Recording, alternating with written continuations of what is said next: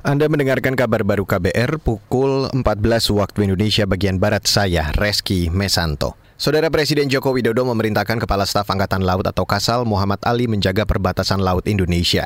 Ini disampaikan Jokowi usai melantik Ali menjadi Kasal di Istana Negara, Jakarta pagi tadi.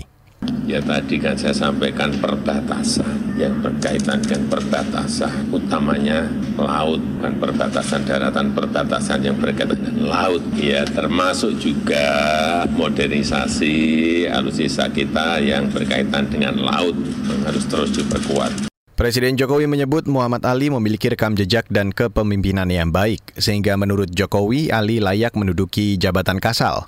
Ali menggantikan posisi Yudo Margono yang diangkat menjadi Panglima TNI. Sebelum menjadi Kasal, Ali menjabat Panglima Komando Gabungan Wilayah Pertahanan atau Pangkop Gab Wilhan I.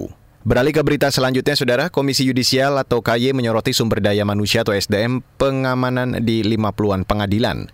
Komisioner KY bin Ziyad Kadafi menyebut, hanya separuh pengadilan yang memenuhi SDM bidang pengamanan, sisanya masih memiliki catatan merah.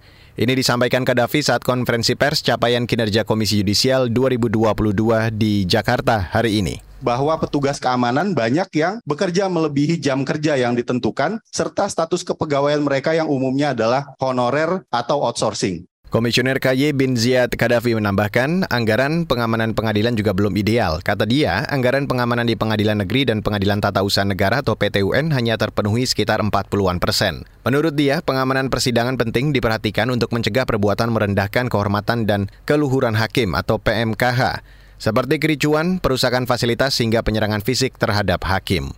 Saudara gajah jantan bernama Lili diduga mati karena diserang kawanan gajah liar. Satwa dilindungi itu ditemukan mati pada minggu dini hari lalu di Kompleks Conservation Response Unit atau CRU, Serbajadi, Kabupaten Aceh Timur. Kepala Balai Konservasi Sumber Daya Alam atau BKSDA Aceh, Agus Arianto mengatakan, gajah berusia 35 tahun itu luka lebam dan tertusuk gading di bagian sekitar leher, telinga, dan punggung. Jadi memang nanti teman-teman mahot itu mau melakukan penghalauan juga, uh, gerombolan gajah ini malah berupaya menyerang. Jadi memang situasi sulit untuk menolong si Lili gitu ya, karena serangannya kan tiba-tiba gitu ya. Kepala BKSDA Aceh, Agus Arianto menambahkan, insiden penyerangan gajah Lili terjadi saat aliran listrik padam sehingga petugas kesulitan menanggulangi kejadian tersebut. BKSD memperkirakan kawanan gajah liar itu berjumlah sekitar 20 hingga 30 ekor. Selain gajah lili, satu gajah betina lain juga terluka akibat amukan gerombolan gajah liar. Dan saudara, demikian kabar baru saya Reski Mesanto.